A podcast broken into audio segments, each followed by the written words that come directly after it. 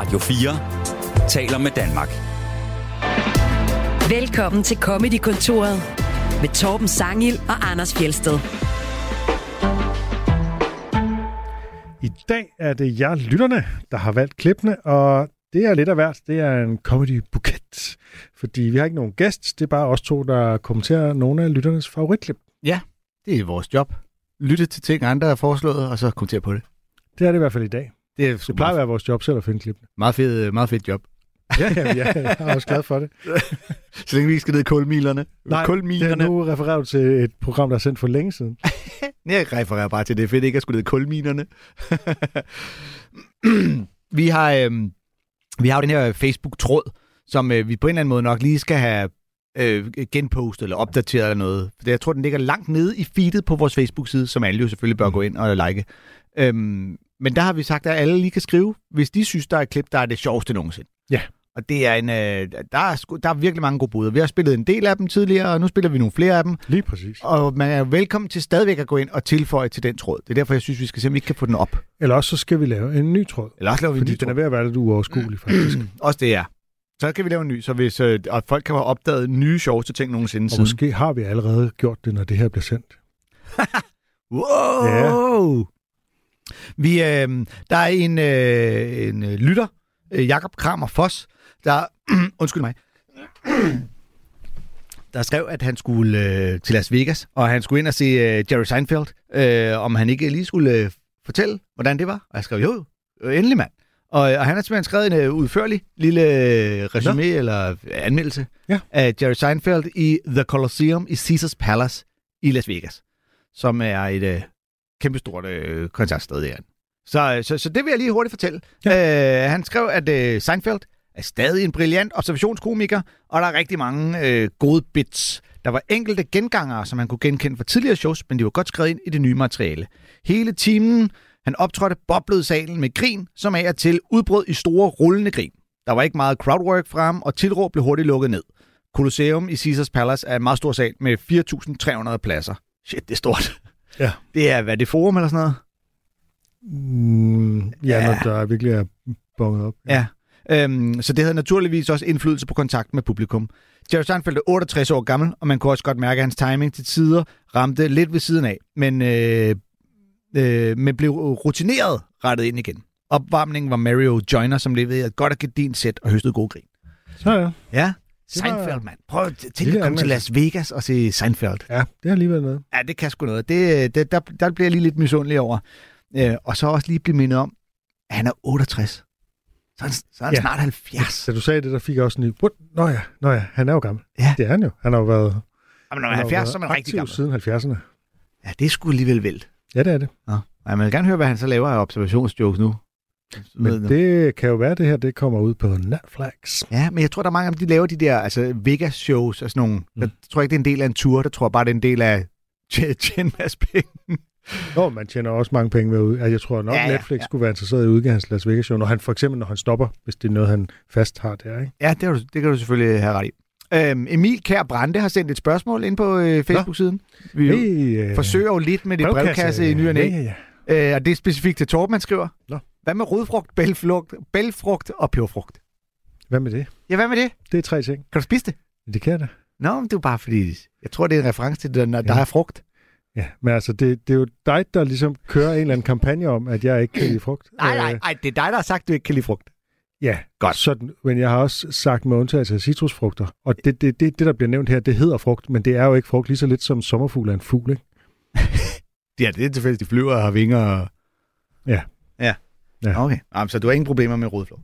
Hvad? Nej, men det smager hvordan meget anderledes, end der er ikke de her... spiser du is, Ja, men så ikke frugtis? jo, øh, jeg spiser citronsorbet Okay, men ikke og jordbær. limesorbet. Okay, men jeg tænkte, der, Men ikke jordbæs. der, er vi, der kunne vi finde en fælles fjende i øh, åndssvag frugtsorbet. Hvis du spiser is, skal det være med chokoladesmag. Jeg troede, at den her brevkast, det skulle angå comedy, og ikke mine øh, spisevaner. Det kan stadig nå at blive sjovt, hvis vi lige giver det lidt. Det kan også være, at du bare skal øh, lade os komme i gang med det første lytterklip. Rod Gilbert har vi spillet før, som jo er den her valisiske komiker. Vi havde det her klip tidligere med, at hans kuffert blev helt ødelagt i lufthavnen, når han stod med den på scenen. Ja, han er kun håndtaget med, var det ikke sådan? Jo, han havde kun håndtaget Ja. ja. Nu skal vi så høre et klip om, at han har fået en elektrisk tandbørste i julegave. Og øh, igen, så har han øh, øh, en øh, rekvisit med på scenen, som er den her elektriske tandbørste i sin æske fra Oral-B. Det er et klip, der er valgt af Michael Dejgaard Winkler, og han giver ikke øh, nogen særlig begrundelse. Vi opfordrer jo folk til at give en begrundelse, det synes jeg er sjovest. Mm. Det eneste, han skriver, det er, det stikker helt af. Men øh, lad os høre det stikke af.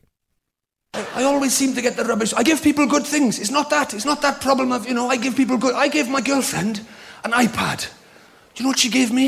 She gave me a toothbrush. Eh, Firstly, a cheeky cow is like giving somebody deodorant. This is.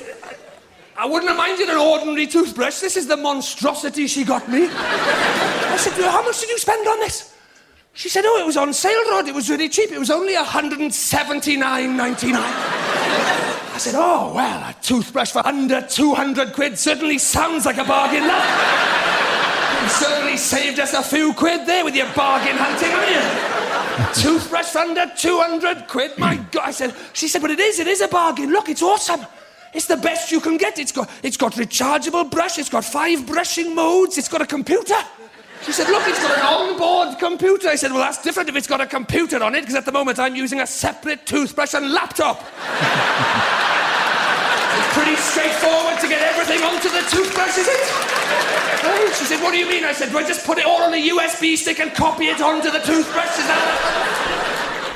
She said, I don't think it's a computer in that way. I said, well, I mainly do word processing. Has it got Word or Office? She said, no.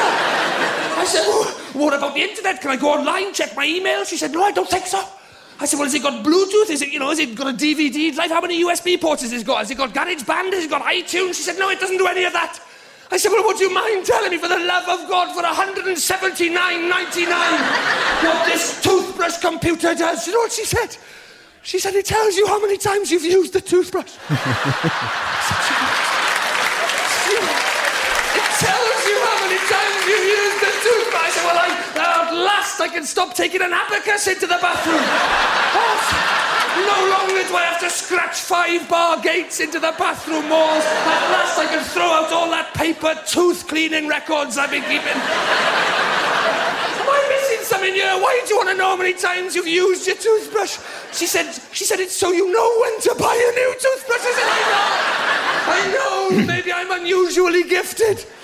Call me the toothbrush whisperer, but I know when to buy a new toothbrush. I buy a new one when the one I'm using starts looking less like Ken Barlow and more like Ken Douglas. That's what I know when to buy. I know. I know. She said, but it's got a timer on it. I said, oh, well, I take it all back. If it's got a timer on it, that changes everything. Only this morning I fancied a boiled egg, but I didn't have a toothbrush handy. I timed it on it.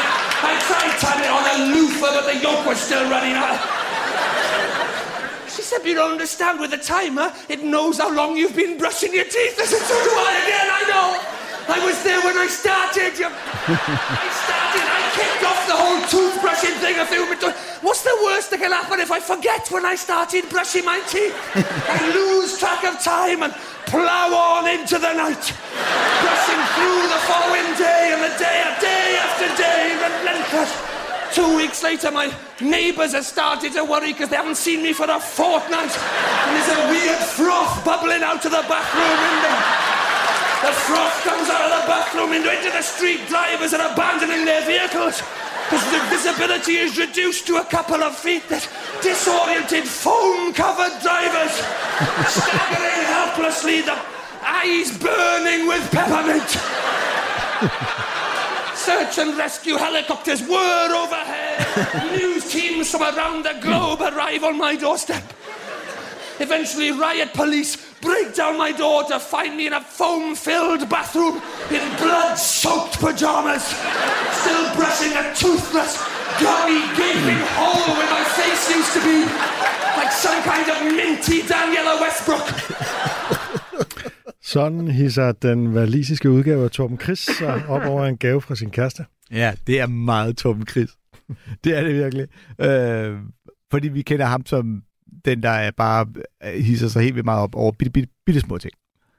Øh, Og I har haft det her TV tv-program, der handler om, om, øh, om et eller andet kan passe, eller hvad Ja. det nu er. ja, om Øh, det giver mening. Giver- om det giver mening. Ja. Og det er inklusive sådan nogle, øh, sådan nogle øh, varer, man kan købe, ikke? Og, øh, Ja. øh, og hans ting, hans kone har købt, og en køkkenulholder og det ene med det andet. Ja, ja, lige præcis. Og man har sådan på fornemmelsen, at du kan stikke ham et hvilket som helst øh, emne eller øh, ting eller lignende, så vil han kunne, altså øh, Rod Gilbert der, så vil han kunne, så vil han kunne køre på derudad over finde et eller andet ved det, der er åndssvagt.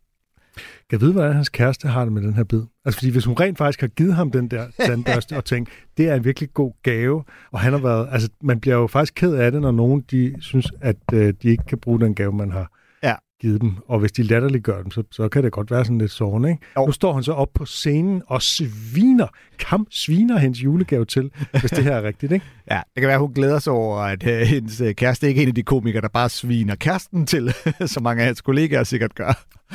Jo, det er selvfølgelig rigtigt nok. Så, øh, men altså, man kan jo så også sige, øh, han, øh, han overdriver, han overdriver os, ikke? Han tager tingene meget bogstaveligt, ikke? Ja. Der er en computer i den. Nå ja, så tager han computer øh, fuldstændig bogstaveligt, som om det er en laptop med internetbrowser og Word og alt muligt andet, ikke? Ja, lige præcis. Og øh, jeg ved ikke, han minder mig lidt om, øh, også om John Cleese. Den måde, han siger tingene på, og, og, og bliver sådan helt øh, hissig. Jeg ved ikke, om der er sådan lidt... Øh, er det forhold til Towers eller sådan noget? Hvor han, Ja, når han går amok, jeg kan måske ja. godt se det lidt sådan. Øhm, men der er jo også, altså der er et eller andet åndssvagt i, at man opfinder gadgets, der kan ting, man ikke har brug for. Ja. Og det der med at tælle, hvor mange gange man har børstet tænder, Mm, altså det er, det er meget, meget lidt nødvendigt. Ja. Og, og øh, jeg ved godt, det der med at holde øje med, hvor længe man børster tænder, og det, jeg har også en, der, men det bruger jeg simpelthen ikke, jeg lytter ikke efter, men den siger sådan en eller anden lille lyd, når jeg skal skifte Ja. ja. side i munden eller et eller andet. det er sådan man giver til børn. Ja, der har jeg bare sådan, det, lige så har jeg fuldstændig ligesom, øh, ligesom ham, ja, det styrer jeg selv. Ja, altså det, det- det... jeg børster det indtil jeg synes, det er nok. Indtil man er færdig med at se det på tv, at man var begyndt at se det, man satte sig i sofaen for at børste tænder. Og han jo ironiserer over det der behov for at vide, hvor mange gange, altså sådan, nå okay, så behøver jeg ikke længere at sætte streger på væggen, ikke? Ja. Som om, at det er noget, man gør, fordi man skal jo holde styr på, hvor mange gange man har børstet tænder. Ja, men Altså, skal, Jeg Skal- børster tænder to gange om dagen, tre gange nogle gange, hvis jeg har så middagslur, eller der er et eller andet. Men altså, Ja. det er jo fuldstændig, øh, du kan jo bare tælle, hvor mange dage du har haft den så. skal vi gætte på, at der er øh, det begreb, vi lidt kalder forklejnelse med her? Ja. Øh, hvor vi, fordi det, det minder mig lidt om den, vi har spillet før, øh, øh, Brian Regan bed om køleskabet, ikke? Hvor han jo også får det til at lyde som om, det køleskab Ja. kan jo ikke andet end et eller andet, men ja, det er jo så, fordi han selvfølgelig undlader ja. Ja. de ting, det rent faktisk kan om. Den der Mm. tandbørste kan måske også nogle ting, som man undlader at fortælle, fordi det andet er sjovere. Ja, det kan sagtens være. Fordi Fordi- altså, jeg håber da Ja. til, den har jo kostet 1.500 kroner, har jeg lige omregnet, ikke? Så jeg håber da virkelig, at den kan et eller andet nyttigt. Ja, og dengang han lavede den her bid, der er, du ved, i dag ville det sikkert være det dobbelt. jeg kan, ikke lige huske, hvor gammel den er. Men, øh, men det er jo rigtigt nok at tælle, hvor mange gange den er brugt. Der, der i tale sætter han jo også helt præcist den metode, vi alle sammen kender. Netop, hvor meget midterskilning har din tandbørste fået. Øh, Du kan jo se, du kan jo se når dit børstehoved er brugt op. Altså, Ja. det, er jo, altså der, det, det, det der, jeg kan godt lide den der med at ligesom have common sense over for nogen, der er lidt for smarte i deres produktudvikling. Ikke? Og det, og, men, men han får det også bare sagt på sådan en sindssygt fed måde, fordi at når han siger det med, så du ved, hvornår du skal købe en ny tandbørste, alle, og publikum alle tænker jo, hvor er det åndssvagt. Vi kan jo godt regne ud. Vi har alle sammen altid godt kunne regne det ud. Og, og det siger han jo også, jeg ved det godt, men og, og så tilføjer han lige den der, maybe I'm unusually gifted. Det er sådan Ja, en ja, fin lille ja, ja. intro joke Det- i forhold ja, ja. til, Nå, men jeg må være noget særligt, siden jeg ikke har brug for det her, ja. som der er nogen, der mener, alle åbenbart har brug for. Det er en elegant måde, i stedet for at sige, vi ved jo alle sammen godt, Ja. så, så, så laver han den modsat. Ikke? Jeg Ja. må åbenbart være noget helt særligt, eftersom jeg godt selv kan finde Ja, ud af at skifte jeg min må være et tandbørste. geni. Øh, ja. Men så netop også, fordi han refererer til det, der jo er den gængse. Når, de, når alle har set sådan en tandbørste, der er blevet brugt for meget, har fået den der midterskilning, og hvor han så bruger nogle, det må være nogle meget britiske referencer, øh, Ken Barlow og Ken Douglas. Øh, Som formentlig er nogle mænd med midterskilning. øh, ja, og, og som formentlig den ene er en, hvor håret sidder meget pænt og lige, og den anden er en, hvor det sidder helt og ødelagt, ikke? Øhm, ja, og så at, at, alene det, han finder to, der begge to hedder Ken, gør det jo endnu bedre, ikke? At når den ligner Ken Barlow, så er den god, når den ligner Ken Douglas, så er den ikke god længere. Nå, ja, ja. Øh, det er jo, øh, der kunne vi selvfølgelig bare have researchet os til, hvem de to Jeg er. har faktisk noteret mig, at det ville du google. Okay, hvor længe har vi lavet det her program, siden du tænkte, det var mig, der ville researche den ja, del? jamen, det er fordi, det tror jeg, vi på et eller andet tidspunkt har aftalt, ellers ville Nå, jeg ikke have... Vi har nemlig snakket om det her, da vi for længe siden øh, for første gang forberedte det her klip. Okay. Det er også lige meget. Ja. Øh, så slutter det jo i sådan en helt, altså hvor han jo bare kører den, det er jo så der, hvor det stikker af, kan man sige, ikke? hvor han forestiller sig, han tager jo det bogstaveligt, at man har behov for at få at vide, at nu skal man stoppe med at børste tænder, for ellers vil man bare blive ved med at børste tænder, og til Ja. sidst så flyder der simpelthen bare pørmynte savl ud i gaderne, og de er nødt til at hente Ja. redningshelikopter og alt muligt andet. Altså, Ja, det han, sådan, bruger, han bruger ikke Sendium. Han bruger noget af det, der skummer rigtig meget. øh, og det, er- det er jo bare sjovt, det der med bare at tage, tage konsekvensen helt ud i det absurd, ikke? Ja, ja. Slippery slope for, ja. Ja. øh, for, for fuld skrue. Og så i takt med, at han hisser sig selv mere og mere op. Ikke? Det, det er, når man kan levere det, som han gør det, det er der, man kan opbygge det der rullegrin, hvor publikum til sidst vrider sig og ikke kan få ja. Ja. vejret, fordi hver gang man tror, han er færdig, så, og så siger han det endnu højere, og så gør det endnu Mm. mere ondt i maven. Det, er- det er sæt med... Og ligesom Torben Chris, han er god til faktisk at hisse sig så meget op, så, det, så han på en eller anden måde, altså han må også få gang i noget adrenalin. Altså det, det virker virkelig, som om han kommer ud af den og bare altså, bliver rasende, ikke? Ja, ja lige præcis. Øh, og han siger, han, han slutter den på, øh, at til sidst er der bare sådan et stort hul i hovedet. Øh, er det ikke der, eller et stort hul der, hvor mit hoved plejer at være, hvor han siger, like a minted Daniel Westbrook. Den skal du lige forklare. Øh, jamen, det er, fordi hun er en skuespiller, der har været med i nogle af de engelske EastEnders, eller sådan noget, som, der som ung var meget øh, smuk og nydelig, men som så fik et galopperende øh, coke-misbrug, der gør, at hendes, øh, hvis du tager sniffer alt for meget, så bliver næsevæggene ødelagt. Så man kan simpelthen se det på hende, at Hun har det hul i hovedet, han snakker om nærmest. okay, øh, så er hendes næsefløje væk, eller? Ja, øh, altså Jeg går hendes ud fra, at du har googlet nogle billeder. Jamen, ja, ja, ja, det gjorde jeg nemlig, fordi at jeg, kunne, jeg kunne huske Nå, navnet, sagde mig noget. Øh, og øh, det skal man altså lige gå ind det ser, øh, det ser vanvittigt ud, nogle af de der billeder, og så når det så samtidig bliver sådan nogle paparazzi, hvor hun ikke lige selv måske har bedt om det og så videre, ikke? Men det ser vildt ud, og det er en vild reference at smide i øvrigt. Ja, Altså, i en, øh, han virker jo ellers som en sympatisk, og det nogle øh, harmløse ting, han hisser sig op over, og så driller han nogle øh, mænd, sandsynligvis med deres frisyrer, ikke? Men her, der refererer han direkte til der er hårdt skadet af misbrug. og det er, jo sådan, det er jo sådan der, hvor nogen vil mene, at det her ligesom, øh, er det for meget? Altså, at det går det ud over en, Ja. som i forvejen øh, måske har det hårdt med det, ikke? Ja, ja, lige præcis. Men, øhm, ja, men det er sjovt, vi har, har vi spillet andre end den, og så den med Lufthavns? det er de to Rod Ja. ja. vi har spillet. Fordi jeg har aldrig set et helt show med ham, og jeg kunne også godt forestille mig, hvis, du, hvis det er en time af det der, ikke? Altså, man er nødt til lige at lave nogle bølger der. Jeg vil tro, der er nogle, nogle gearskift undervejs. Ikke? Øh, men det er jo det, øh, der er jo flere, det er jo flere gange, vi bliver spurgt om, hvorfor spiller vi ikke flere britiske klip i comedykontoret? Og det er jo bare, at man kan ikke streame særlig meget britisk comedy. Nej. Og vi er jo afhængige af streaming, Mm. mm. øh, fordi vi køber ikke rigtig DVD'er mere. Nej, Fordi det gjorde man i gamle dage, i nullerne. Ja.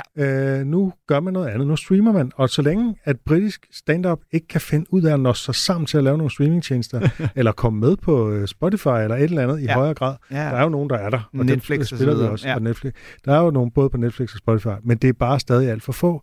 Og øh, så er det bare ligesom... Øh, så er det meget YouTube, det handler om, ikke? Og det her klip, det Ja. ligger på YouTube, ikke? Altså, jeg har jo en, øh, og det er jo så et andet øh, program, hvor vi skal anbefale ting. Jeg har en ting for Trigger Happy TV, sådan et skjult kameraprogram fra England, fra starten af det her årtusind, som jeg havde købt alle DVD'erne, og øh, jeg har så dem, og igen, og igen, og jeg synes simpelthen, det er så sjovt.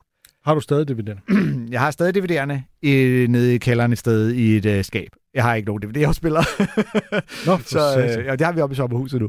Men, øh, men der fandt jeg nemlig ud af, at det, det hvorfor kan, øh, så kunne man faktisk se det hele inde på Channel 4's øh, hjemmeside. Hvis du bor i Storbritannien. Det er jo det, jeg gik ind på Channel Eller 4. har en VPN-forbindelse, der nogle gange virker, og det har bare, jeg kan ikke få dem til at virke. Nej, for jeg gik jo ind og oprettede den her bruger. Mm. Øj, fedt mand. Opret bruger, navn og e-mail og kode og det hele. Og så skulle du også skrive øh, adresse. Nej, det behøvede man ikke. Det var ikke en af dem der med stjerne. Så skulle du så skrive land. Jeg tænkte, "Nå, så skriver jeg bare Danmark, men du kunne kun vælge mellem Wales og England. Ja. og, så videre. og Skotland måske. Så tænkte jeg, "Ah, så lad os bare være at svare på den. Øh, skrev England. Og så ind og godkend med din e-mail. Og så, Nå, så skal jeg se Trigger TV. Nej, det må du ikke her. Hvordan kan de vide det? Jeg har investeret i en, øh, sådan en VPN-abonnement på sådan en god VPN-forbindelse, som jeg havde fået anbefalet af Lone Theis, der jo øh, er Storbritannien-korrespondent og ved alt om øh, Storbritannien og hvordan man ser britisk tv. Og VPN, det er sådan så, at internettet ikke ved, hvor du ser det fra. Ja, eller så de tror, man ser det et andet sted fra. Ja. Så det var specifikt øh, London, jeg så så det fra. Ja. Øh, angiveligt. Og det er ikke ulovligt, skal jeg lige sige. Nej. Øhm, men, øh, og den virkede rigtig godt på min tidligere computer, men så da jeg skiftede computer, så har jeg simpelthen ikke kunne få den til at virke. Jeg har opsagt abonnementet, og det er pisseirriterende. Ja. Fordi det gjorde mig faktisk i stand til at se BBC og Channel 4 og så videre. Øh, men det kan jeg ikke. Så hvis nogen øh, kan anbefale en øh, VPN-forbindelse, der virker på øh, nyere Asus, så må de gerne sige det. Ah, ah, det har, har, men ofte var det også et problem inden, da de stadig var med i EU? Ellers vil jeg gerne Ja, det over. tror jeg nok. Det er en, Det det er er, det er en national ting, ikke? Det er fordi, det er jo, det svarer jo til DR. BBC svarer til DR. Øh, og de har bare ligesom, det skal, det skal være for de britiske øh, skatteborgere. Det er Og måske, jeg ved ikke, hvordan det er med Commonwealth. Nu, nu kommer vi også meget ned i teknik, ikke? Ja, det er velkommen Hvordan- til, til datakontoret. Kan man se det på Jersey? Øh, Kan man? Falklandsøerne. Christmas Islands. Yes, yes. Okay, øh, min producer anbefaler noget, der hedder NordVPN. Okay, Nå, fedt. men øh, det, øh, den, den tager vi bag. Det er fordi vores øh, producer er også en, en ung øh, hacker-type. Ja. Og kigger ud på mig til, han ligner, han ligner en, der ved lige præcis, hvordan du omgås den form for... Det er Gabriel, man skal gå til. Øh, nu skal vi til noget oldie but goldie, øh, men stadig øh, britisk øh, tv, nemlig øh, Javel herr minister, eller rettere Javel herr statsminister, Yes Prime Minister. Den her tv-serie fra, fra 80'erne, hvor en minister, som nu er blevet statsminister, han øh, bliver kørt rundt af sine embedsmænd. Jeg kan tydeligt huske den fra min barndom. Den blev sendt på DR, øh, og det var en af de få komedieserier, der blev sendt. Det er ikke en, jeg nogensinde øh, dyrket. Der var det, det var også noget Blackadder og Mr. Bean, jeg øh, husker. af. Dem øh, dyrkede jeg bestemt også. Og, øh, og den der med øh, Don't Mention the War. Hvad det, den hed? Øh, Stars? Fawlty Towers, Ja. ja. ja. Og der var også Not the 9 O'Clock News. Der var meget ja. uh, britisk comedy dengang på dansk tv. Nå, Victor From, han skriver... Fedt, vi går direkte fra, at vi overhovedet ikke kan få lov at se noget britisk, til den vi gang, hvor det var det eneste, vi til så. Den gang, hvor man virkelig kunne se britisk. Der kunne man til gengæld ikke se noget amerikansk comedy. Sådan Nej. er det så meget. Uh, Victor From, han skriver... Jeg elsker simpelthen det faktum, at man bliver fuldstændig forvirret over Sir Humphrey og Sir Bernards monologer. Øh, og af samme grund, så skal man, øh, siger jeg, øh, nok ikke føle sig udenfor, hvis man bliver hægtet lidt af, fordi det er faktisk mening i den her scene. So I gather you denied that Mr. Halifax's phone had been bugged. Well, obviously. It was the one question today to which I could give a clear, simple, straightforward, honest answer. Yes. Unfortunately, although the answer was indeed clear, simple, and straightforward, there is some difficulty in justifiably assigning to it the fourth of the epithets you applied to the statement. Inasmuch as the precise correlation between the information you communicated and the facts, insofar as they can be determined and demonstrated, is such as to cause epistemological problems of sufficient magnitude as to lay upon the logical and semantic resources of the English language a heavier burden than they can reasonably be expected to bear. Epistemological? What are you talking about? You told a lie. Lie? A lie. What do you mean, a lie? I mean, you lied. Uh, yes, I know this is a difficult concept to get across to a politician. Um, you, uh, no, ah, yes, you did not tell the truth. You mean we are bugging you, Halifax's telephone? We were. We were. Where did we stop? Um, 17 minutes ago. Well, you can't call that lying. what would you call the opposite of telling the truth? Well, I mean, there was no intent. I didn't mean to deceive them. I'd never knowingly mislead the house. Nonetheless, you have done so. wasn't my fault. I didn't know he was being bugged. Prime Minister, you are deemed to have known. You are ultimately responsible. Why wasn't I told? The Home Secretary might not have felt the need to, to inform you. Why? Perhaps he didn't know either. or perhaps he'd been advised that you did not need to know. Well, I did need to know. Apparently, the fact that you needed to know was not known at the time that the now known need to know was known. and therefore, those that needed to advise and inform the Home Secretary perhaps felt that the information that he needed as to whether to inform the highest authority of the known information was not yet known. And therefore, there was no authority for the authority to be informed because the need to know was not at that time known or needed. What? Did not know that you would deny it in the House. Well, obviously I would if I didn't know and I were asked. We did not know that you would be asked when you didn't know. I was bound to be asked, but I didn't know if I didn't know. It was thought that it was better not to inform you. You see, Hugh Halifax is one of your government team, and as such, it was thought that it was better not to create distrust. We only tell you when you should be aware. When's that? You should now be aware because you have just denied it. Well, been rather more helpful if I'd been aware before I denied it. On the contrary, Prime Minister, if you had been aware before you denied it, you wouldn't have denied it. But I needed to know. We do not always tell you about bugging when you need to know. You see, at times, Prime Minister, we need you not to know. Why did you decide that I didn't need to know? I didn't. Well, who did? Nobody. It was just that nobody decided to tell you.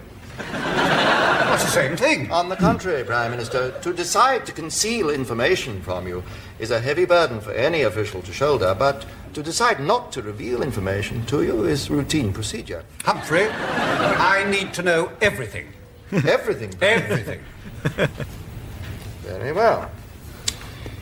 Stationery deliveries this week to the cabinet offices. Four dozen packets of Now, sized Hum- paper. Hum- Humphrey, don't be silly. I mean, important things. Who should decide what is important? Humphrey, how can you possibly defend this cock-up? Well, as you said in the House, we got it wrong. You got it wrong. I, Prime Minister, I am merely a humble servant, a lowly official. The Home Secretary made the decision. Can you think of any reason why I shouldn't ask him to resign? With respect, Prime Minister, you should only ask him to resign when he has made a mistake which could have been seen at the time and not with benefit of hindsight. But you see, the trouble today has arisen because of your own error of judgment in making this denial. What? You should not have denied something about which you did not know. But that was your fault. You've just admitted keeping secrets from the Prime Minister. Not at all, Prime Minister. The system works perfectly well as long as the Prime Minister tells the civil service everything that he's going to say before he says it. But if, precipitately, he says something without first clearing it with his officials, he has only himself to blame. You must not say anything in public without first clearing it with respect, Prime Minister. You must learn discretion. I didn't know there was anything to be discreet about. In government, there's always something to be discreet about. Ja, det er svært at forklare, hvad problemet er i at lyve over for en politiker. er en af de mange pointer i det her. Ja, det er jo en, øh, en situation, der sikkert kan være noget mere aktuel, end man umiddelbart lige går og, og, og tror. Ja, altså man fornemmer jo nogle gange, at der er politikere, der taler over sig, fordi at der er noget, de tror, de ved, men som de rent faktisk ikke ved. Ja, ja, og, Og der må jeg jo sige, at ministeren har ret her. Altså, øh, det er jo ikke løgn at sige noget usandt, hvis man tror, det er sandt. Nej. Øh, rent logisk, så er det jo først en løgn, hvis man ved, at det ikke er sandt. Hvis man er i god tro, så taler man usandt. Men det er ikke det samme som at lyve. Når man lyver, så, så ved man, at det, man siger, er usandt. Jeg sidder og leder efter, om der er nogle øh, paralleller til øh, mink-skandaler lignende om netop, øh, du ved, vi vidste ikke, at det var forbudt, eller hvad var det forbudt, eller vi havde Så først tror jeg, vi lige skal lave et research og kigge grundigt i formuleringerne og lave en analyse. Har du hørt det her program nogensinde før? det har aldrig stoppet os. Nej, og, men, det er af samme grund tænker jeg, at vi måske ikke skal gå for langt ud af den tangent. Ja, ja. Og jeg får bare, en- jeg får bare, når jeg hører det her, får jeg billeder af vores regering, der netop sidder og siger, hvorfor har jeg ikke fået det her at vide? Altså, er helt sammen. Hvis jeg vidste det, jeg vidste det, jeg burde vide, så havde jeg jo ikke sagt sådan, at jeg vidste, at jeg skulle. Ja, og på den måde. Jamen, det, det kan jeg sagtens se. Det, det, der er noget, der lugter af det i Ja. minkskandalen. Det er faktisk uklart, hvem der har vidst hvad, hvornår, og hvem der har taget hvilke beslutninger og sådan noget. Ikke? Ja, ja, lige præcis. Og hvis de havde vidst det, de skulle vide, når de, da de ikke vidste det, så kunne det være, at de havde gjort noget andet, end det, de gjorde, da de gjorde det. Og forskellen, altså man kunne godt lave en, altså forskellen på en instruks og en hensigtserklæring, eller Ja. hvad fanden det nu er. Det, ja, jeg kan ikke huske alle de der ord. Men det, det, det vil man helt sikkert godt kunne lave noget lignende øh, Ja. satire over. Ikke? Ja, apparently the fact that you needed to know was not known at the time that the now known need to know was known. Ja. Det, er jo, øh, det er jo nærmest sådan en uh, stativstakit-kasket. Ja, og dem synes jeg, de har, de har mange af. Hvis jeg, skal være sådan, hvis jeg må tillade mig at, at være lidt øh, blasfemisk over for en serie, som mange elsker, og som jeg også selv altså, kan se mange, men en lille smule kritisk, så synes jeg, der er to ting, der ligesom øh, kendetegner den meget, og måske også lidt for meget, så meget, så jeg synes, det bliver et monotont. Det ene er at lave sådan nogle sproglige øh, omskrivninger, især Sir Humphreys øh, første forklaring, hvor han bare skal sige løgn på den mest komplicerede måde, Mm. som jo egentlig som, altså, fra Skabens side bare er at ligesom tage en masse fremmedord og væve sammen i en utrolig omstændelig forklaring. Ikke? Mm. Øh, og sådan nogle er der mange af. Ikke? Øh, så, så dels de der sproglige øh, ting, og så for det andet, hvordan de hele tiden manipulerer med ministeren. Altså det er jo hele tiden det, det handler om. Ikke? Ja. Embedsmændene vinder hver gang. De kører ministeren rundt i managen, og han sidder der afmægtig, øh, selvom han jo på papiret er øh, rigets mægtigste mand. Ikke? Ja, og det er jo sådan noget, der øh, allerede dengang jo øh, øh, tabet ind i øh, folks forestilling om, at det er jo ikke ham, der han bestemmer ikke noget. Det er alle der, der sidder nogen bag og trækker trådene. Det er deep state, ikke? Han er jo bare en, øh, en marionet. Jo, men altså, den, den post, nu ser du deep state, den positive version er jo, at der er et embedsapparat, der sørger for, at ministeren ikke fucker for meget op. Ja. Det er jo sådan, der selvopfattelse er i hvert fald. Ja, ja. ja. Øh, Og det er jo i hvert fald et faktum, at øh, embedsmænd har meget magt. Ikke? Og der igen kan du lave paralleller til, øh, til den danske situation Ja, ja, ja. og Barbara Bertelsen og Ja, så videre. det er når du siger, at de manipulerer med ham, ikke? Øh, til det, det, det gør de jo, altså de, de river ham jo rundt Ja. tit, Åh, ja. øh, øh, og får ham til. Altså, de, altså der er jo alle de der med, og det, sagen er jo, noget af, det, noget af det her har jo noget på sig, mm. og det, altså, man kan, man kan jo snakke med embedsmænd, som vil sige, ikke til citat, men fortælle en, at hvis du skal præsentere noget for en minister, så skal du lægge det gode forslag, hvordan er det nu, det, det bedste forslag skal være det sidste, så du tager de to, du ikke vil have gennemført, mm. og præsenterer dem først, og så det sidste, og så lige måden, du lige retorisk fremlægger dem på. Så det ser ud som om, du har, det lyder som om, du fremlægger dem neutralt, men i virkeligheden, så manipulerer du med ministeren. Ja. Og det skulle efter sine være helt normal procedur. Ja, og det er jo, det er jo sådan et øh, retorisk greb, der kan gælde alle mulige andre steder end bare i politiske henseender, ikke? Eller hvis du i virkeligheden kan Jo, få jo. ministeren til selv at...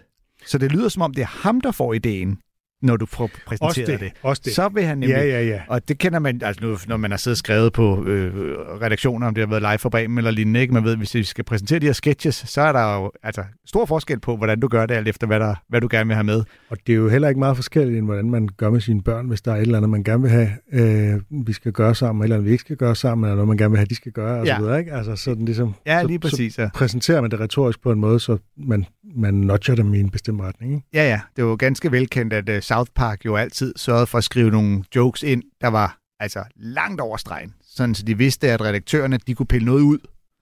Ikke? Så de sagde, at uh, Ah, redaktøren har altid den idé om, at vi er nødt til, det der kan I ikke sige, det der kan I ikke sige. Og hvis de så havde en joke, de vidste, den her, den bliver, så sørger vi lige for at plante nogle andre, der er så meget værre, så de fjerner dem og tænker, om, så må vi lige lade den der stå. Fordi redaktøren skal altid lige have...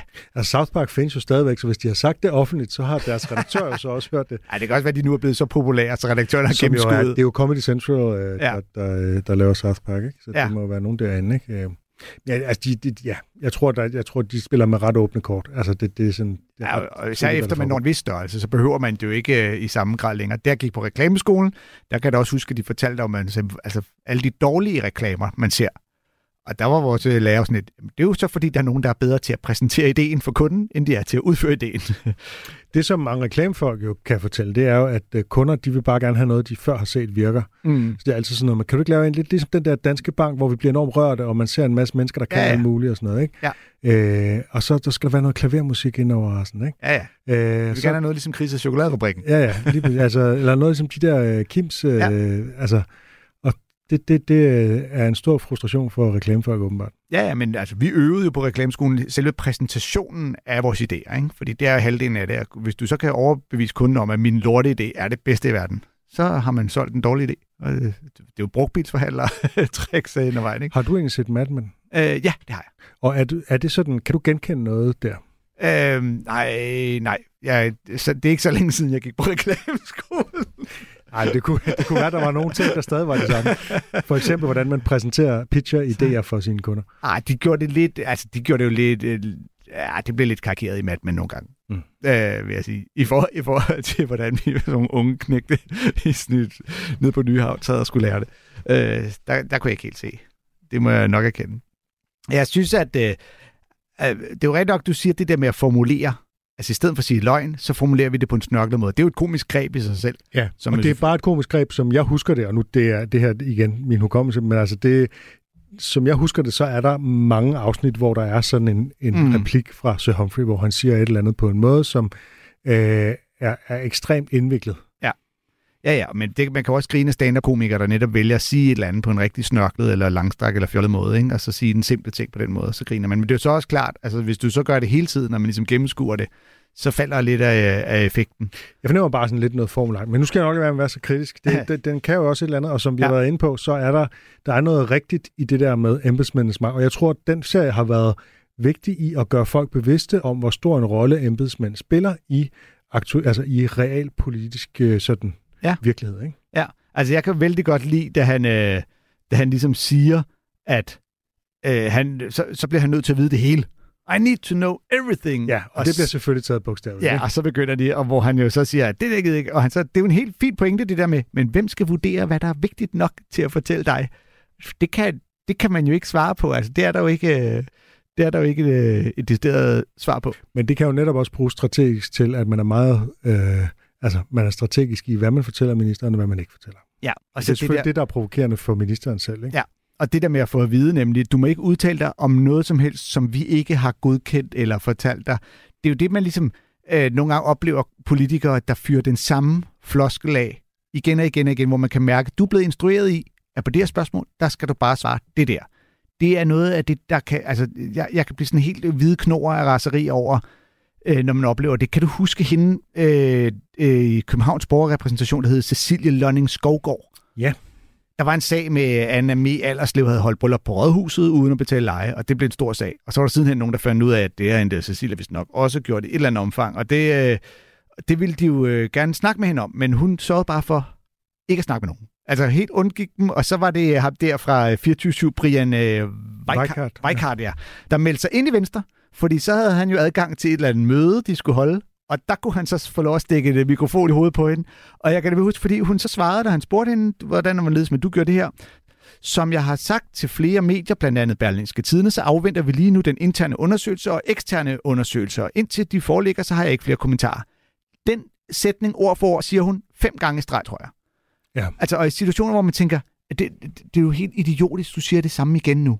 Altså, jeg synes, det er så pinligt, når øh, politikere de bare siger den samme sætning igen og igen. Ja, bare sådan øh, Og jeg forstår ikke, hvorfor journalister så sjældent går meta på den og siger, hvorfor gentager du bare dig selv? Ja. Øh, du læser jo bare op af noget, som du har fået videre af din kommunikations eller andet, ikke? Ja, lige præcis. Og øh, nu går vi meget langt men altså, ja.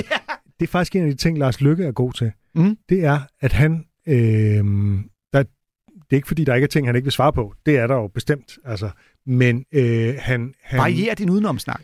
Ja, han varierer. Nå, jamen, han, altså, man har på fornemmelsen, han kan virkelig sådan, og nogle gange så tager han så også selvfølgelig journalisterne i skole og siger, øh, nu er der, der er krig i Ukraine, så hvorfor skal vi snakke om øh, ja. tilfældige teaterdirektører? Ja, han er så ikke helt tilfældig, han er din kulturordfører, ikke? Ja. Øh, men altså, øh, han, er, han er god til at tale som et rigtigt menneske. Ja. Og det er det, som, øh, selvom han skal tage noget kompliceret, ikke? altså nogle gange så kommer han til at sige det med meget mere og mindre og alt det der, ikke? Men, men, men generelt set er han en virkelig god retoriker. Og en god retoriker, det er ikke en, der bare har fået talepapir med, og så siger den samme sætning igen og igen. Nej. Det er en, som formår at øh, sige noget meningsfuldt i situationen, og ligesom så måske også som politiker, kan man også nogle gange have nødt til at sige, stop, jamen det kan jeg ikke udtale mig om. Eller det, øh, altså jeg vil ønske, at en gang imellem sagde, det ved jeg ikke nok om. Jeg er Mm. nødt til at sætte mig ind i det her, før jeg kan svare på dit spørgsmål. Men problemet er, at de føler, at de taber ansigt, fordi de som, især hvis de er ministre, så skal de sådan vide alt ikke, om Ja. deres felt. Ja, ja, men... Øh, Men det de jo ikke gør. Altså, Nå. det, skal vi lade os sige det højt. Politikere, de ved ikke alt inden for deres felt, selvom de er minister. Ja, lige præcis. Men det er selvfølgelig klart, hvis de indrømmer, at de ikke ved det, så skal de også slås oven i hovedet. men det, det synes jeg ikke. Jeg synes sgu, det er fair. Men når, det, det, det er der, når man kan mærke, du ved, det her det er en ramse, du bare har lært udenad. Og når du har sagt den tredje gang, kan du så ikke fire gange sige, har du ikke gennemskuddet, at jeg kommer til at svare det samme lort hver eneste gang? Mm. Altså, det er jo ikke noget at spørge mig. Men der er jo mange eksempler på det der. Ja. øh, øh, at, at politikere, de simpelthen bare er sendt i byen. Det er jo tit, øh, ikke de, det er tit sådan nogle lidt længere nede i hierarkiet, der bliver sendt i byen, ikke? og så sidder de i deadline og sveder og siger den samme øh, Ja. sætning igen og igen. Det er så pinligt. Man kan finde det inde på YouTube, det der med hende der Cecilia. Øh, For, altså, det er, fordi det er så komisk. Brian, du ved, jamen Cecilia, jeg spørger bare, om du selv synes, det er fair. Som jeg har sagt til flere medier, blandt andet Berlingske Tid. Altså, så, så varierer i det mindste blandt andet, blandt andet Ekstrabladet. Ej, ja. Og jeg bliver helt hissig bare at tænke på det. Lad, lad os øh, få et klip til på banen. Ja, og øh, jeg vil gerne citere ham, som har valgt klippet. Han hedder Valdemar Jul Enemærke. Han skriver, så vidt jeg kan huske, har I ikke spillet noget med Flight of the Conchords endnu. Det har han ret i, Har vi ikke det? Nej. Nej, det er en fejl. men det gør vi jo nu. Mm-hmm. Øh, jeg fortsætter citatet. I dette klip fremfører de en folk-gangster-rap som deres hip-hop alter egoer Hippopotamus, hip-hop-hop, hip-hoppotamus og Rhymenoceros. Øh, ja, det er det, som øh, Valdemar der skriver. Og vi skal måske tilføje, at Flight of the Conchords, det er sådan en new zealandsk øh, musikduo, der også er hovedpersonerne i en komedieserie. Ja. Så lidt ligesom med Dave og Lil Dicky, som vi har spillet tidligere, så er der sådan en dobbelthed mellem fiktive personer og en virkelig duo, der tager ud og holder koncerter og, og øh, sådan noget, Jeg, ikke? jeg tror, serien er, den, den er vist vokset ud af deres live shows. Ja. Øhm, jeg så, jeg har set den på Bremen Teater for mange år siden. Øh, de er virkelig gode live. Altså virkelig gode. Og for jeg kan huske, at de er gode venner med, han er vist også med i serien, den komiker, der hedder Arch Bakker, som har optrådt i Danmark øh, flere gange. Det gjorde han for år tilbage. Han har nemlig en af mine, det er lidt et sidespor, all-time øh, jokes, hvor han siger, I want, a, uh, I want a girl who will love me for who I am, pretending to be. Ja. Ej, det er smukt. Lad os øh, høre den her sang, som også er fra en live optræden. Um, and our next song is going to be our sort of one of our gangster folk crossovers. Um, now this is Brett and I'm Jermaine, but um, we're also known as in the, I mean, back in New Zealand where rap, where we invented rap. Yeah. Um, Brett's known as the rhinoceros. Yeah. and I'm I'm I'm AKA'd as um, the hip hoppopotamus. Um, and and this is just a gangster rap battle Yeah. between us. It's the um, the hip hoppopotamus versus the rhinoceros, um, featuring the hip hoppopotamus and the rhinoceros.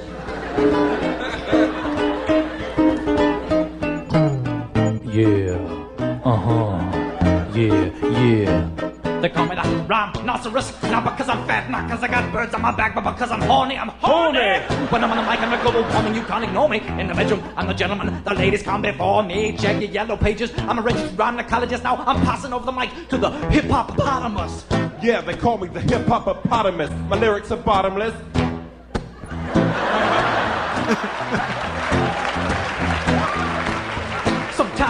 my rhymes are polite, like thank you, Mrs. Johnson, for dinner. That was delicious. Good night. And other times they're obscene, like a pornographic R18 dream about bitches smothered in margarine. Ha ha ha ha.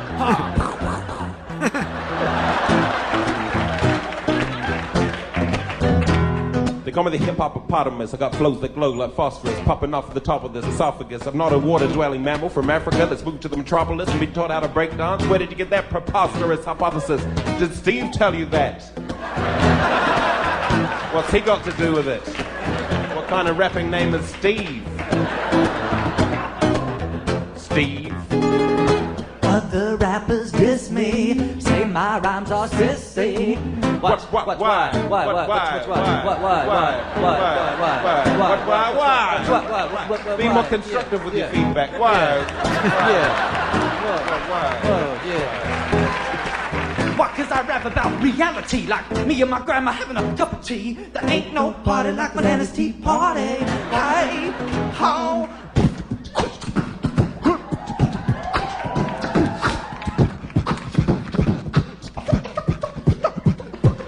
Freestyle, hip hop hoppopotamus. Freestyle, hip hop hoppopotamus style. I'm freestyling, just saying what comes into the top of my head, like it's just random, random. Um, ooh.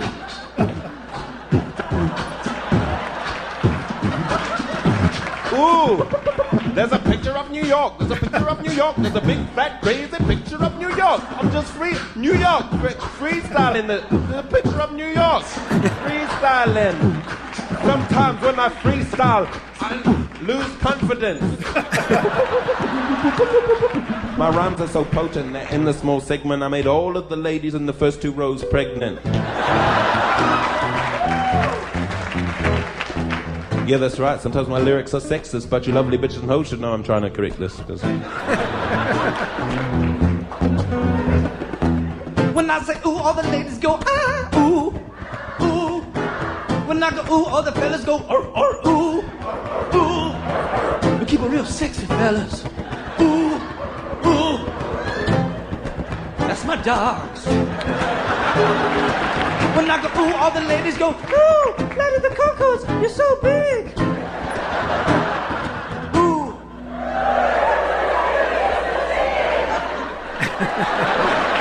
Wow, thank you. Wow. Thank you, ladies. you didn't have to say that. Det, de gør, det er jo det samme, som øh, vi har set, eller som de blandt andet gør, er det samme, som vi har set nogle gange før, nemlig at rappe om ting, der ikke er sådan enormt street og cool. Ja. Uh, vi har set det hos Lil Dicky, hos Gramse Spektrum, hos John LaHoy og så videre. Ikke? Ja. Øhm, og her der synger øh, Rhinoceros jo om at være høflig i sine rim, ikke? Øh, men også nogle gange at rappe om softporn, billeder, hvor de smurt ind i margarine og sådan noget. Ikke? Ja. Øhm, og om at drikke te hos sin tante. There ain't no party like my nana's tea party. ja, til at starte med bare det, at et at påstå, de har opfundet rap øh, i New Zealand. Og så, øh, og så at de jo er, er navne. Det er jo bare sindssygt heldigt, at det er et næsehorn og en flodhest, og så begge navne bare passer spot on til hiphop-navn. Ja. Altså, hvor heldigt er det lige. Øhm, og så at, altså, at man både...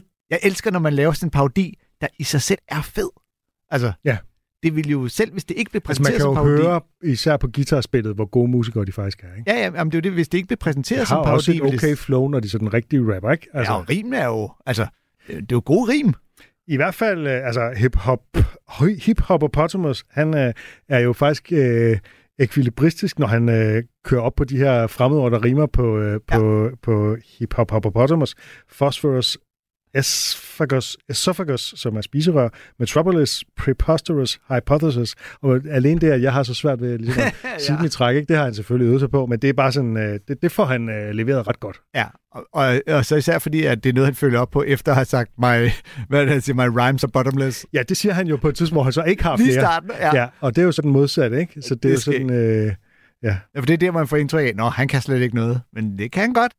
Øh, og så øh, der, er- der, der er mange af de der greb, de bruger, med, øh, hvor han også, øh, man hører, der kommer de der gunshots, fordi at øh, hiphop er altid noget med en pistol, så, og- men det bliver stadig lidt barnligt, sådan et... Ja. Og øhm, øh, hip hop hip hop der, han, jeg kan simpelthen ikke sige det. han, øh, han skal også freestyle på et tidspunkt, og det er Ja. også virkelig sjovt, fordi der kommer bare ingenting. Nej. Og vi har jo haft øh, to freestyle-rappere herinde, ja. øh, to forskellige gange, ikke? hvor man bare kan høre, de, de, de, de kan jo simpelthen bare finde på noget on the spot, ikke? Jo. Og det er jo lidt ligesom, øh, det er jo lidt ligesom øh, når, altså, når komikere de skal finde på et eller andet øh, improviseret, med publikum ikke kan finde på noget, og det bliver altid kiks, ikke? Ja, hvad sker der der kan han Twitter? simpelthen ikke finde på noget. Ja. Ja. Han kan simpelthen ikke finde på noget, og han begynder bare ligesom med, ja, jeg freestyle nu, ja, der, der kommer bare random, random ting, ja. og, sådan, ikke? og så vender han sig rundt, så er der et billede af New York bag ham, så er det det eneste, han kan finde på at sige. Ja. Det er, at Nå, der er et billede af New York. Øh, Ja, ja men netop fordi, at det er parodien på, at de der rapper, der er jo, når de freestyler, så er det typisk bare at kalde ud, hvad de ser. Men hvis han ikke engang kan finde ud af at se noget, Ja, så der er jo bliver det ligesom bare, bare- mega svært. Ja, det... og der kan vi jo høre fra, fra øh, Per Vers og sådan nogen, at det går jo lynhurtigt op i hovedet med at finde rimene, og så ligesom bagefter bygger man så på, hvordan man skal få det til at passe sammen ind i en fortælling og alt sådan noget. Ja. Og det sker altså i løbet af få sekunder, ikke? Ja, ja, ja. Nu er de jo så også nogle af de allerbedste, der er. Så det jo... Men, Jo, jo, men altså, man skal, man skal ikke kaste sig ud i at freestyle-rappe, hvis man er så tom i hovedet, som han er lige Nej, han har opfundet, han har opfundet rap i New Zealand. Ja. Ja. Jeg er til gengæld øh, helt vild med den, der han lukker på med My lyrics are sexist, but bitches and hoes should know that I'm trying to correct this. Ja, det er jo det, man kalder en performative selvmodsigelse. ja, det er som også er et meget brugt øh, greb i comedy. ikke? Jo. At, øh, ja. Og et andet, øh, et brugt greb i musikalsk comedy, det er det der med at lave call and response, som de jo også gør, Mm. hvor først så har de nogle lette responses, og så lige pludselig kommer der en, der er så svær, så man ved, at publikum kommer til at fuck det op, ikke? Ja. Og så får man dem til at sige noget, man synes skulle være fedt, hvis de ville sige. Den er også helt klassisk, ikke? Jo. Ja, det var en kæmpe stor pikker, mega god til bolden. Øh, ja, tak. tak, tak. Det skulle Ja. ja. ikke have sagt. Kan vi... Øh... Skal vi prøve noget af det sidste klip? Ja, lad os lige prøve. Okay. Det er et klip med en stand-up-komiker, som vi ikke har spillet før, nemlig Roy Wood Jr. Ja. Øh, David Rosing Skrov skriver, han er mest kendt som korrespondent på The Daily Show, og i sine stand-up shows kører han også samfundskritik på fuld smadre. I det her klip fra hans nyeste show, Imperfect Messenger fra 2021, snakker han om hvide skuespillere, som spiller racister i film som Django Unchained, og det er helt forrygende. You know, you know, you know what? You know, one white ally that goes unsung, in my opinion, is evil white actors in civil rights movies. These are unsung heroes of the movement. Because here's the thing if you're to have a black struggle movie and you're to tell the truth, that means you have to show some heinous shit happening. And to show heinous shit happening, that means you need white actors being motherfucking terrible on camera. you gotta have it.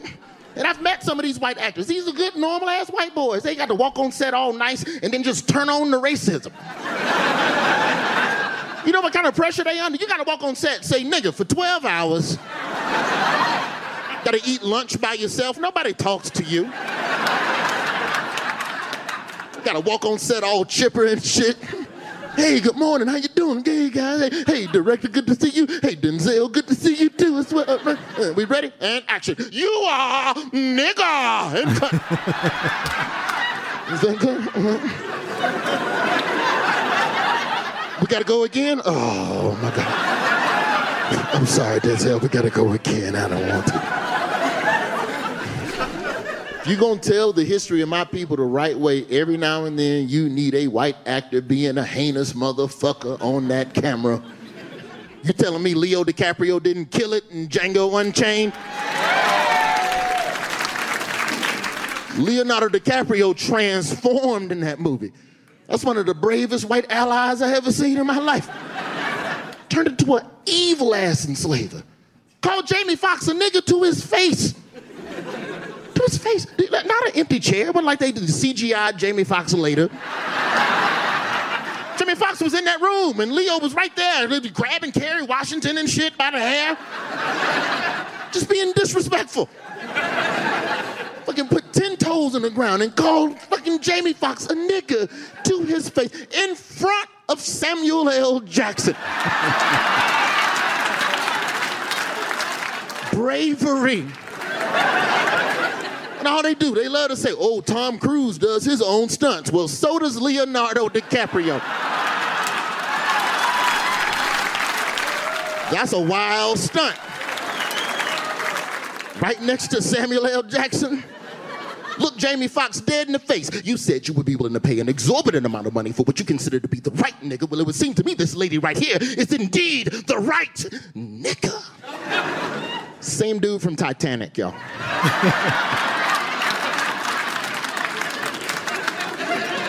you just gotta respect that transformation.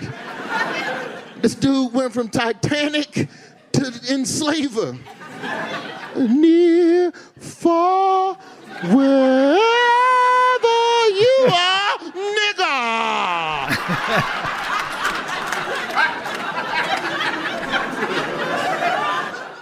After Django, this, this is what the sacrifice Leonardo DiCaprio made. After the Django Unchained in 2012, it was almost 10 years before he did another scene with a black co-star. That's how they, I'm not calling the man racist. He's done movies with every minority you can. He did a movie with a bear. He's a solid dude. but he knew, he knew when he made that movie. Once you call Jamie Foxx and Kerry Washington nigga in front of Samuel L. Jackson, you got to lay low for a decade. and that's sacrifice. If anybody know Leo, tell him he can come home. Tell him it's time. Det kræver noget at spille den onde racist. ja, det gør det. Altså, den vildeste aha-oplevelse, jeg fik ud af det her liv umiddelbart, var, at uh, Django Unchained er over 10 år gammel. Ja, det var det, du fik ud af det her klip. Ja, jeg fik også han ud af det, men det, var- det, det slog mig lige, at, at da han sagde det, det, er, det er ikke mere end 10 år siden, den blev lavet, men det er det. Ja. Jøsses. Så vi, så vi er jo også blevet 10 år ældre, siden dengang den blev vist. Men det kan man ikke se på os. Åh, oh, Gud. det havde jeg ikke brug for lige at blive mindet om. Du har et eller andet med alder i dag. Ja, Kan jeg mærke det man har jo hver dag. Den, den, hver dag bliver man en dag ældre. Du har bare talt om det tidligere i dag oh, ja. i vores øh, lille frokostpause. øhm, det er jo, han opmaler jo et scenarie. Ikke? Han forestiller sig ikke, hvordan det er at være en hvid skuespiller, der er en virkelig flink fyr, men som så altså skal ud og råbe racistiske ting, ja. og som så kommer til at sidde øh, alene i kantinen, øh, Det er- fordi der ikke rigtig er nogen, der kan orker at snakke med den der Ja. ra- rasende nazist. Det er et, øh, det er et godt eksempel på en, en lille, øh, hvad skal man sige, præmis observation, han har gjort sig, som han så får malet helt ud i alle hjørnerne, ikke? Og først der øh, henviser han jo flere gange til Denzel, som må være Denzel Washington i Malcolm X-filmen, forestiller jeg mig. Ja, ja det tror jeg, du har ret i. Øh, men, øh, ja. men det er bare, når først du ligesom har fået etableret den der idé om, at åh, det må være nederen for den der hvide, at skulle stå og sige de her ting, som ingen hvide jo må sige. Mm. Så, Men det er jo, det, og det er en virkelig god observation. Ja, altså, det her bygger er det. alt sammen på én observation. Ja. Der er nogle øh, unsung heroes, der er nogle helte, vi ikke rigtig har øh, anerkendt, hvor, hvor stort et offer de gør. Det er de hvide mennesker, der skal spille bimlende, vanvittige øh, racister. Ja, jamen, lige præcis. Det er, det er godt lavet, og han leverer det øh, skide godt. Han, han synger elendigt. Ja, det, det, det er ikke det, man skal høre det for. Wherever you are. Vi, jeg kan øh, fornemme, at tiden er gået. Jamen, det, det gør den jo, Torben. Hvor skal den stoppe med det? det og det er jo det, jeg har sagt hele dagen. Tiden går hurtigere, end vi ved det før. Vi er det, vi ved det så vi er gamle og på vej i graven. Life's a bitch, and then you die. Men, øh, Det synes jeg, at vi skal slutte af på det. det er en trist Mindre du har, fart-joke, det der. du har en. Men øh, det har i hvert fald været en fornøjelse at, øh, at lave endnu en omgang Comedy-kontoret her på Radio 4. Tidligere episoder kan øh, lyttes til på øh, Spotify og iTunes og Radio 4's øh, egen hjemmeside-app osv. Fartjoke til at slutte af på. Øhm, min kone og jeg var fredfyldte og lykkelige i 25 gyldne år. Og så mødte vi hinanden. Hey! Hey jo! Musik er en hurtig genvej til at komme ind bag facaden. Hvis man skal sige essensen af, hvem er jeg, så er det de samme. Ind bag den offentlige person. De synger også irriterende godt. I Portrætalbum bruger Anders Bøtter musikken til at vise nye sider af sine gæster. Gita Nørby, Tim Christensen, Sofie Gråbøl, Anders Akker, Allan Olsen. Både dem, du er fan af, og dem, du ikke troede, du havde noget til fælles med. Velkommen til Portrætalbum. Lyt til Portrætalbum i Radio 4's app, eller der, hvor du lytter til podcast.